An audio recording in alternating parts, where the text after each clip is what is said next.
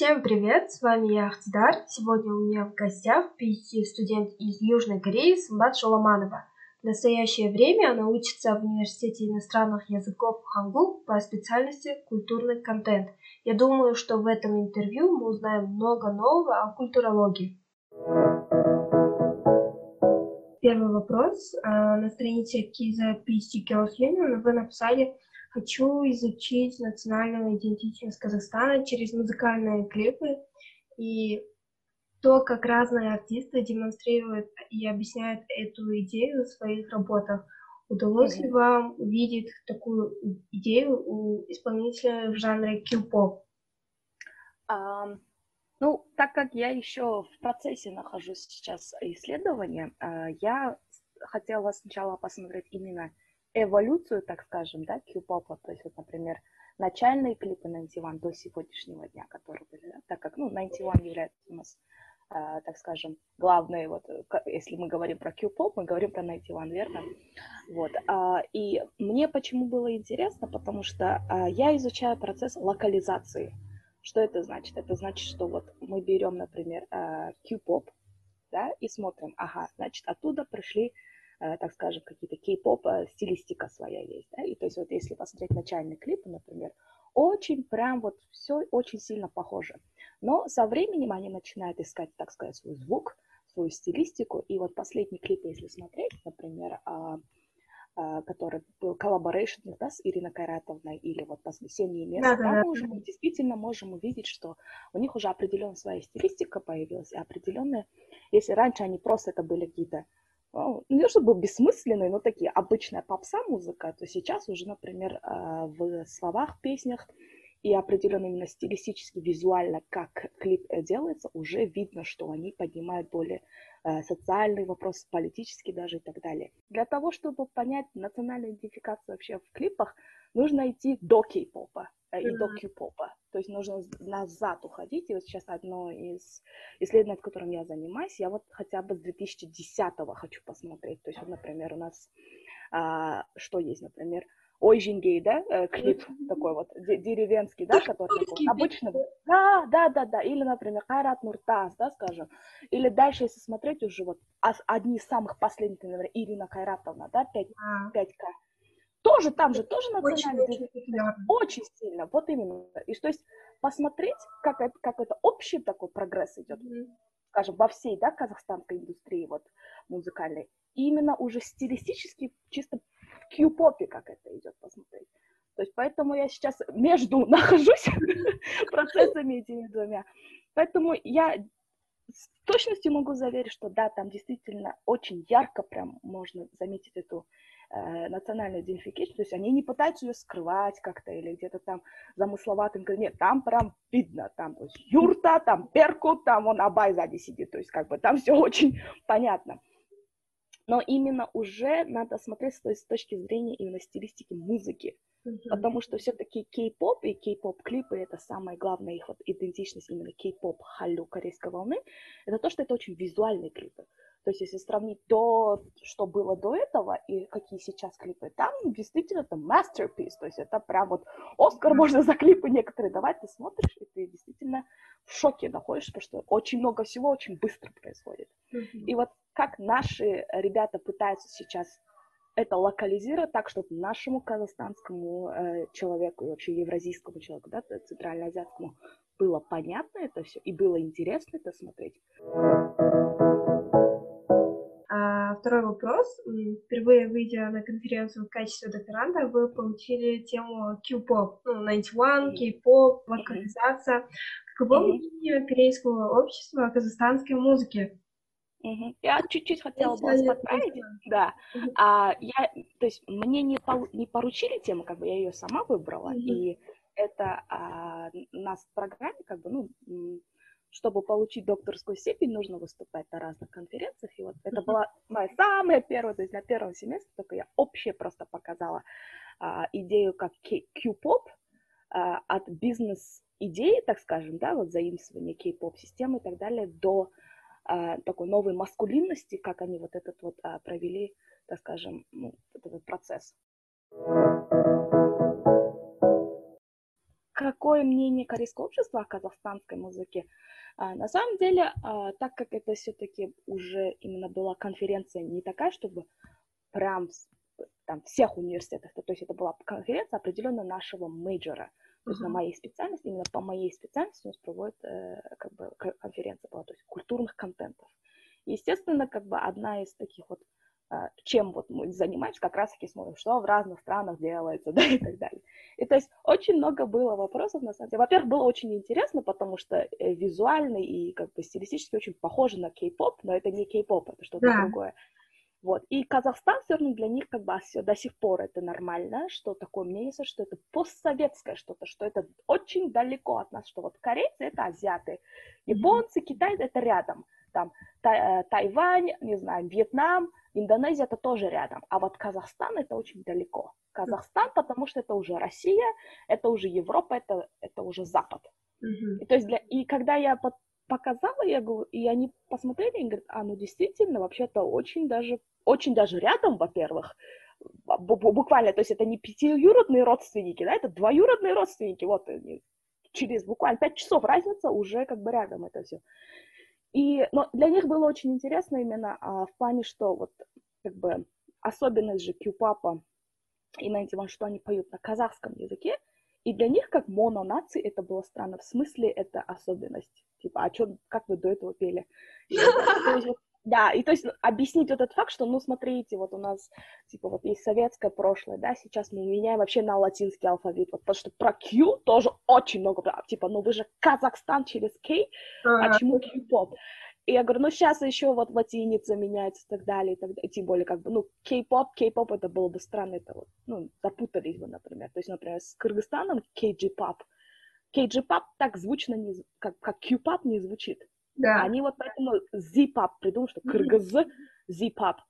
И они такие, ну вот, вот такие вот такого плана вопросы были, но в большинстве случаев, а, то есть респонс был очень положительный, потому что уже на Интима, во-первых, выступали в, Казахстан, э, в Корее, да, вот на I Am Singer, на вот этом шоу.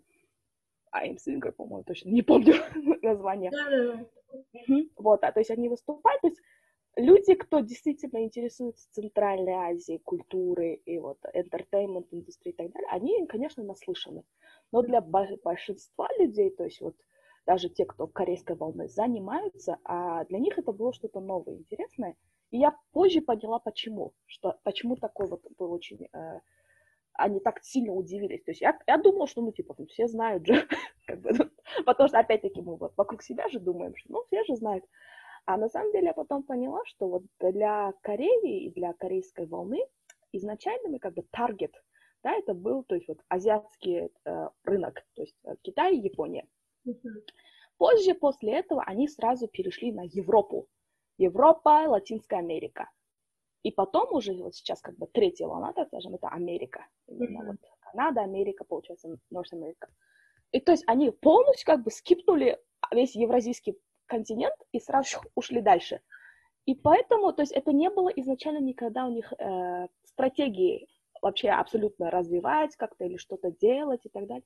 И то есть интереснее всего будет, что вообще без их изначального э, какого-то, какой-то мотивации или стратегии развивать Центральную Азию, в итоге получилось, что больше всего как раз-таки прижилась и локализировалась Центральная Азия. Естественно, азиатский рынок, там, конечно, там совсем другая история, там у них общее свое историческое прошлое и так далее, и так далее.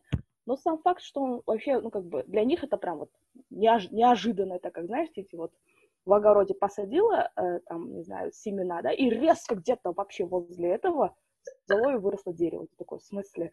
Вот примерно это был, мне кажется, такого плана процесс, поэтому они восприняли очень, как бы, то есть для них сейчас это вот как раз просто еще тайминг хороший совпадать, что вот то, что, mm-hmm. э, что я изучаю, и то, что они со своей стороны, э, с, э, как бы с государственного сектора, да, с культурного сектора, mm-hmm. что они продвигают касательно корейской волны, мы сейчас как бы идем рядом очень. То есть, если как бы я подтвержу свою э, тему и так далее, это как бы будет своего рода доказательство того, что они сами продвигают. То есть это вот прямое вот доказательство, что как раз локализация корейской волны. Mm-hmm. Я говорю, ну вот, локализировали в Центральной Азии. Типа, и, и они дальше развивают, то есть вот 91 же опять-таки как бы inspired, да, то есть у нас вот Дальше сейчас, например, инки в России, да, это казахстанские mm-hmm. наши ребята, yeah. инки в России дебютировали. Много кыргызстанских а, артистов приезжают в Казахстан, как бы дебют своего рода тоже здесь проходит. Mm-hmm. То есть это, конечно, нам, намного меньше скейл, чем это, например, было бы, так скажем, в Таиланде, но still, как бы есть как, какие-то уже изменения есть, и то есть у нас, например, ну, начинается своего рода как ренессанс, что ли, новые появляется вот э, казахстанская Инди, например, да, то есть какие-то вот новые там своего рода типа Show Me the Money казахстанский, да, вот с рэперами и так далее. Mm-hmm. То есть что-то вот какой-то вот пинок была отправная точка, то есть она рано или поздно, скорее всего, было, но это совпало так, что это именно вот с Q-Pop, с 91 произошло в 15-16 году, и вот что это для, как бы, если широко посмотреть, это очень быстрый процесс идет. То есть буквально пять лет прошло.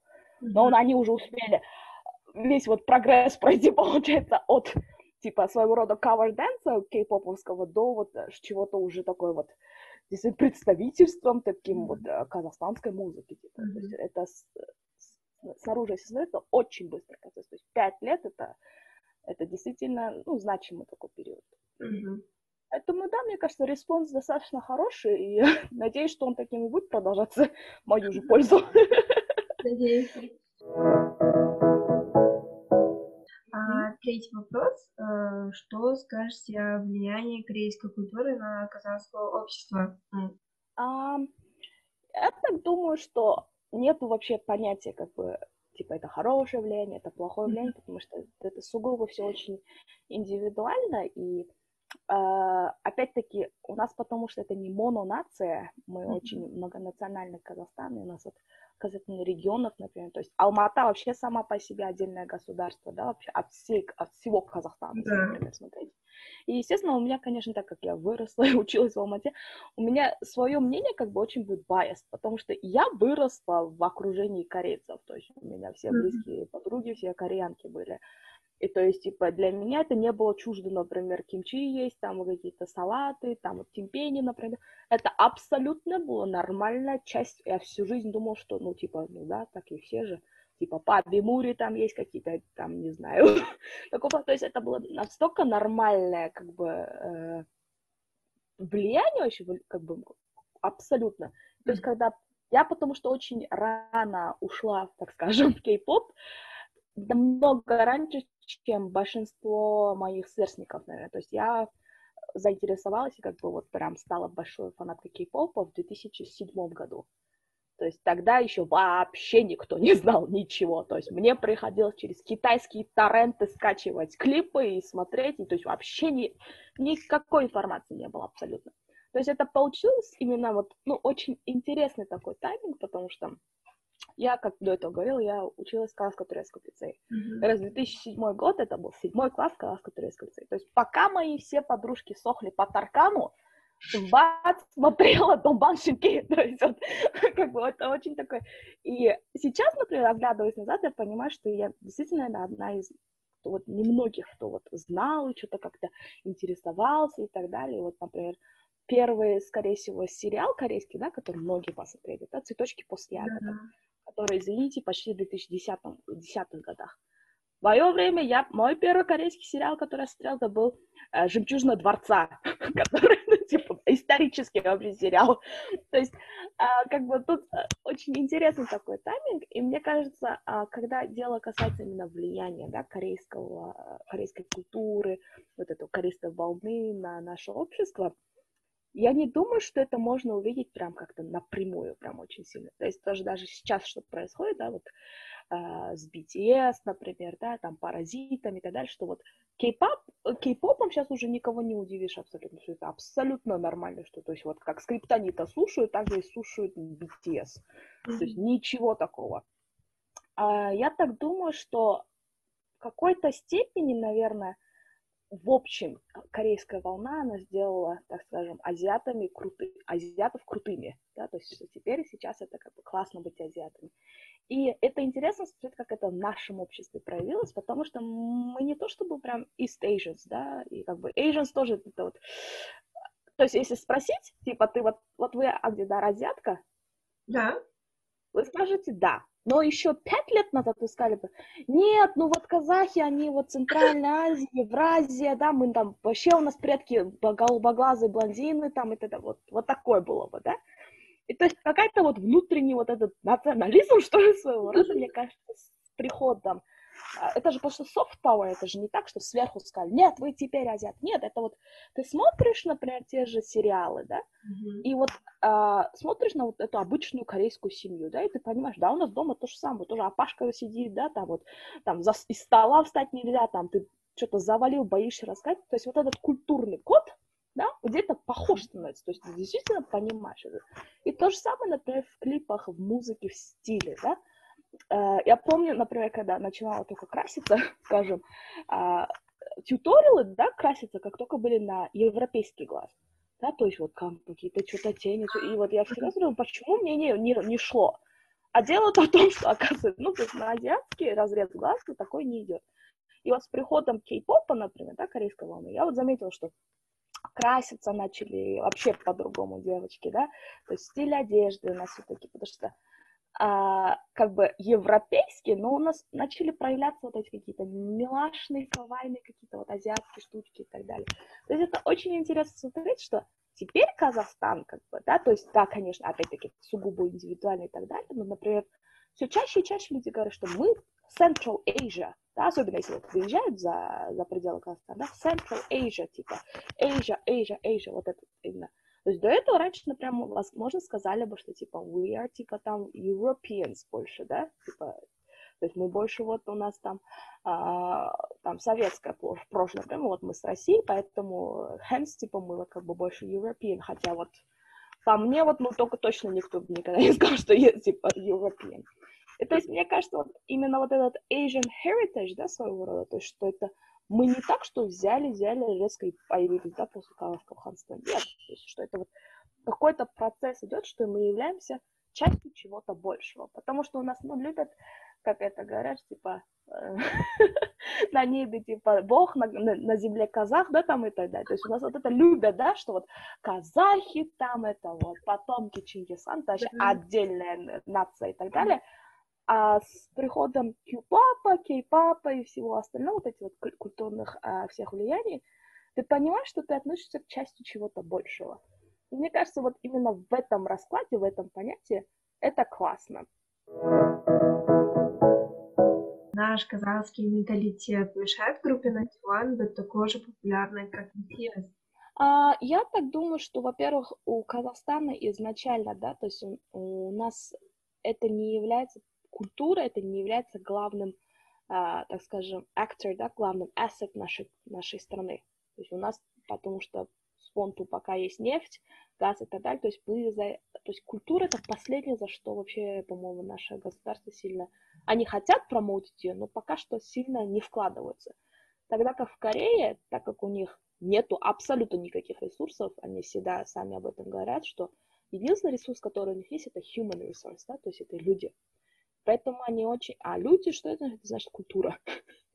Поэтому они очень много вкладывают. И, то есть, например, до того, как я приехала и начала изучать, я не знала, что за всем многими вот, скажем, программами, ивентами и так далее, что делает э, Корейский культурный центр, например, да, в Алмате или в Астане, я не знала, насколько, кто за ними стоит. Я думаю, а, ну просто культурный центр, на самом деле нет там какие-то у них определенно есть прям вот э, культурный контент, то есть прям корпорация, которая вот ежегодные отчеты делает, то есть они смотрят, они все это считают и так далее, то есть это большая действительно прям индустрия. Тогда как у нас это, мы еще просто не на том уровне, поэтому как-то говорить, что вот вот якобы вот наш, этот, этот, они не станут такими же популярными, как BTS, это другой скейл абсолютно. Я думаю, что до того, как брать мировой этот BTS тоже это не было у них вообще в планах, по-моему.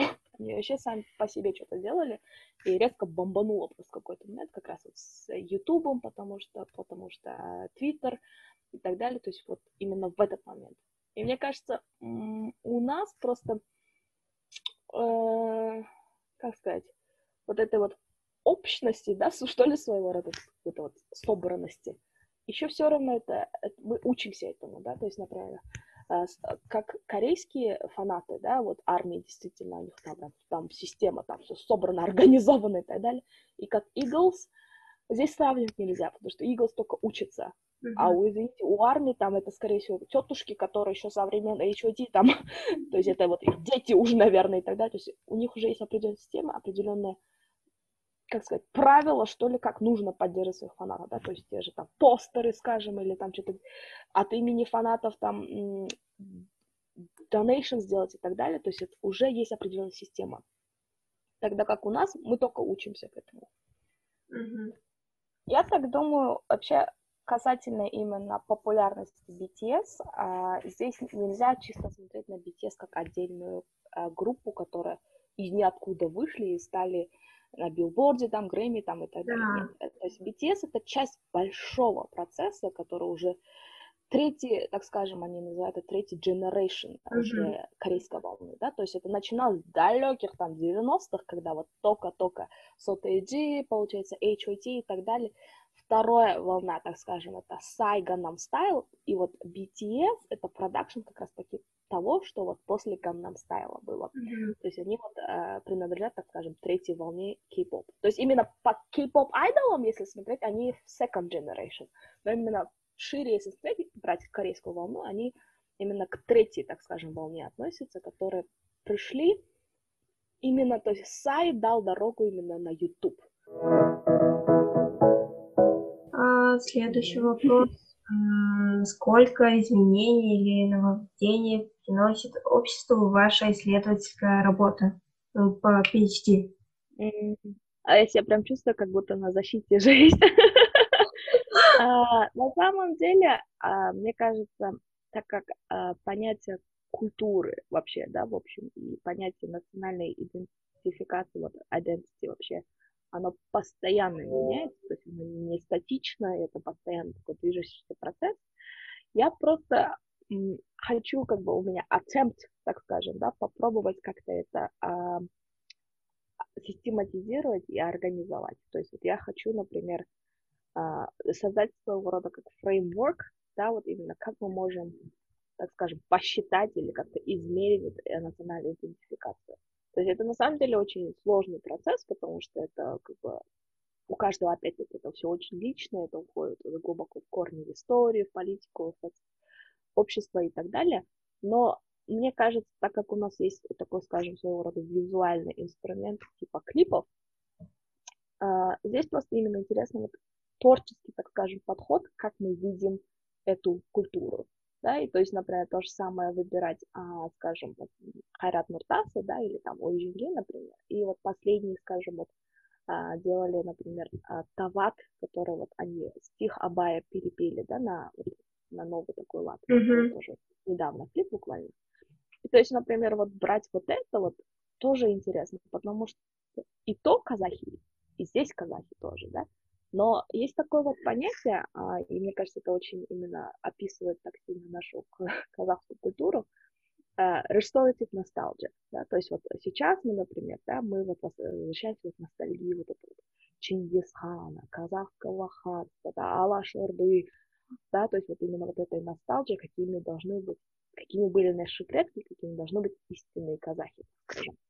А, и делается это, ну, как бы обычно, как бы, почему происходит, здесь уже, уже политика тоже влияет, потому что мы изначально, как бы, у нас понятие identity, да, кто такие казахи и казахстанцы, это очень два разных таких вопроса, потому что а, сейчас то, что вот наша ну, титульная нация, да, то есть именно казахи, но это не значит, что мы не мононация, как корейцы, например, да, где у них 97% все корейцы, и у них один и тот же культурный код, то есть они понимают, тогда как у нас у нас только 60% казахов, 30% русских и 10% это остальные все нации, да, и то есть мы не можем взять и просто сказать, что это вот казахи а сейчас, да, например, или это вот казах или, да, например, как предлагали поменять название, так не получится. То есть у нас ну, своего рода, и, вот, и, и мы же не как Америка, например, да, то есть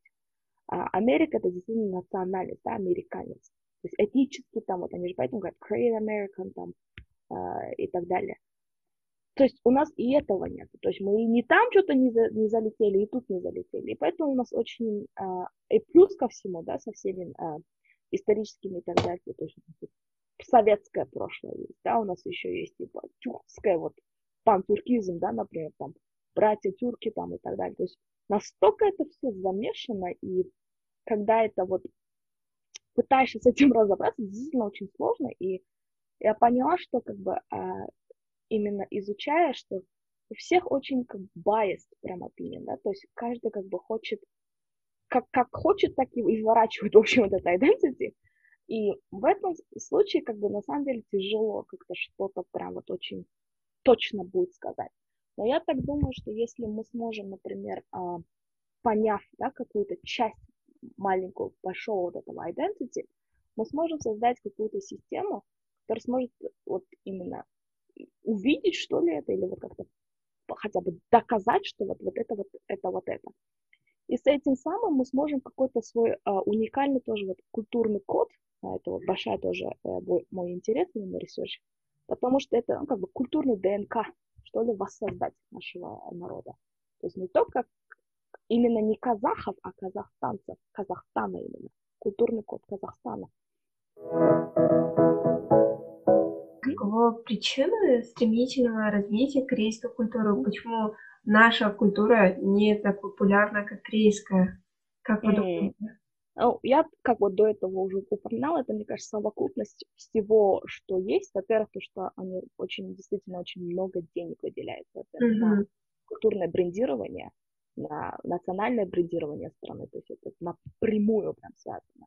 Это раз. Во-вторых, вот то, что я как говорила, human resource, да, то есть они знают, что кроме людей, кроме культуры, как бы, они не могут соперничать, да, например, с конгломератами, где и деньги, и нефть, и так далее. То есть им нужно что-то свое делать, и вот э, действительно культура, это вот то, на что у них все силы потрачены, так или иначе. А, следующий вопрос. Что вы думаете о Грэмми? Успех Имамбека и провал BTS?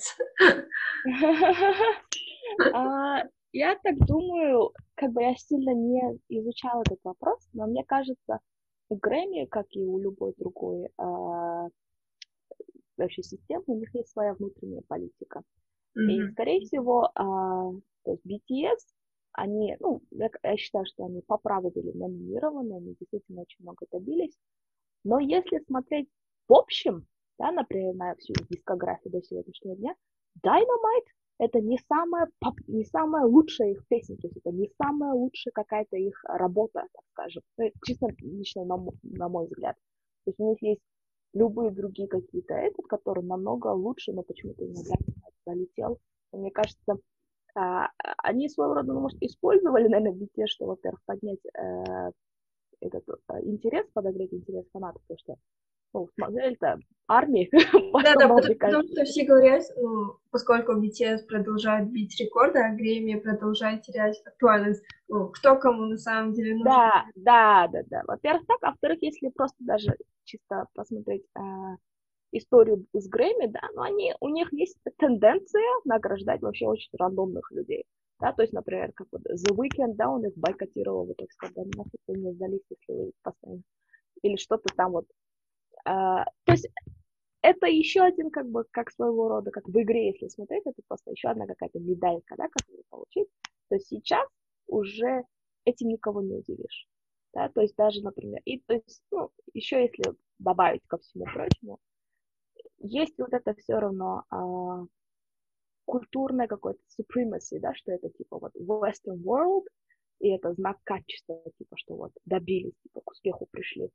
Хотя на самом деле это уже давно не показатель, да. И мне кажется, в свете вообще всех событий на сегодняшний день, которые происходят, мы можем смело утверждать, что а, Европа и Америка, то есть они уже не могут тянуть, не могут оставаться на такой вот пьедестале, на который они сами себя поставили. То есть сейчас уже все меняется.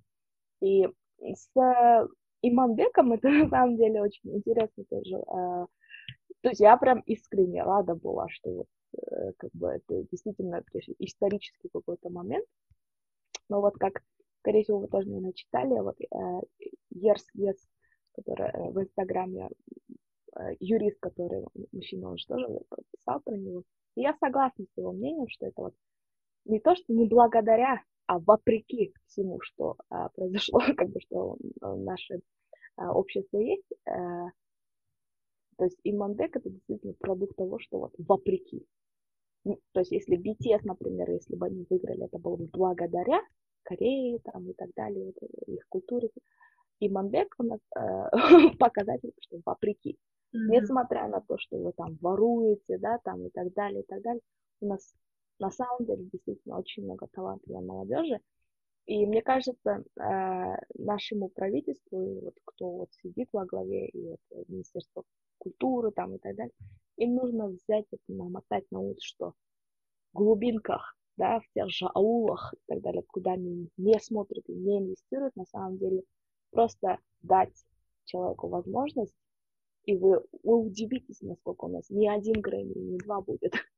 То есть, например, если даже банально, да, со студентов дать начинать, то есть если дать им просто площадку для развития, да, то есть поддержать как-то этот, а не вот так грузить непонятными заданиями, вы удивитесь, насколько сильно как бы наши люди, насколько они талантливые.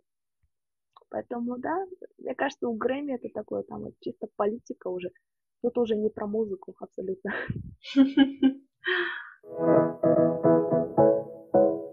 На этом наше интервью закончилось.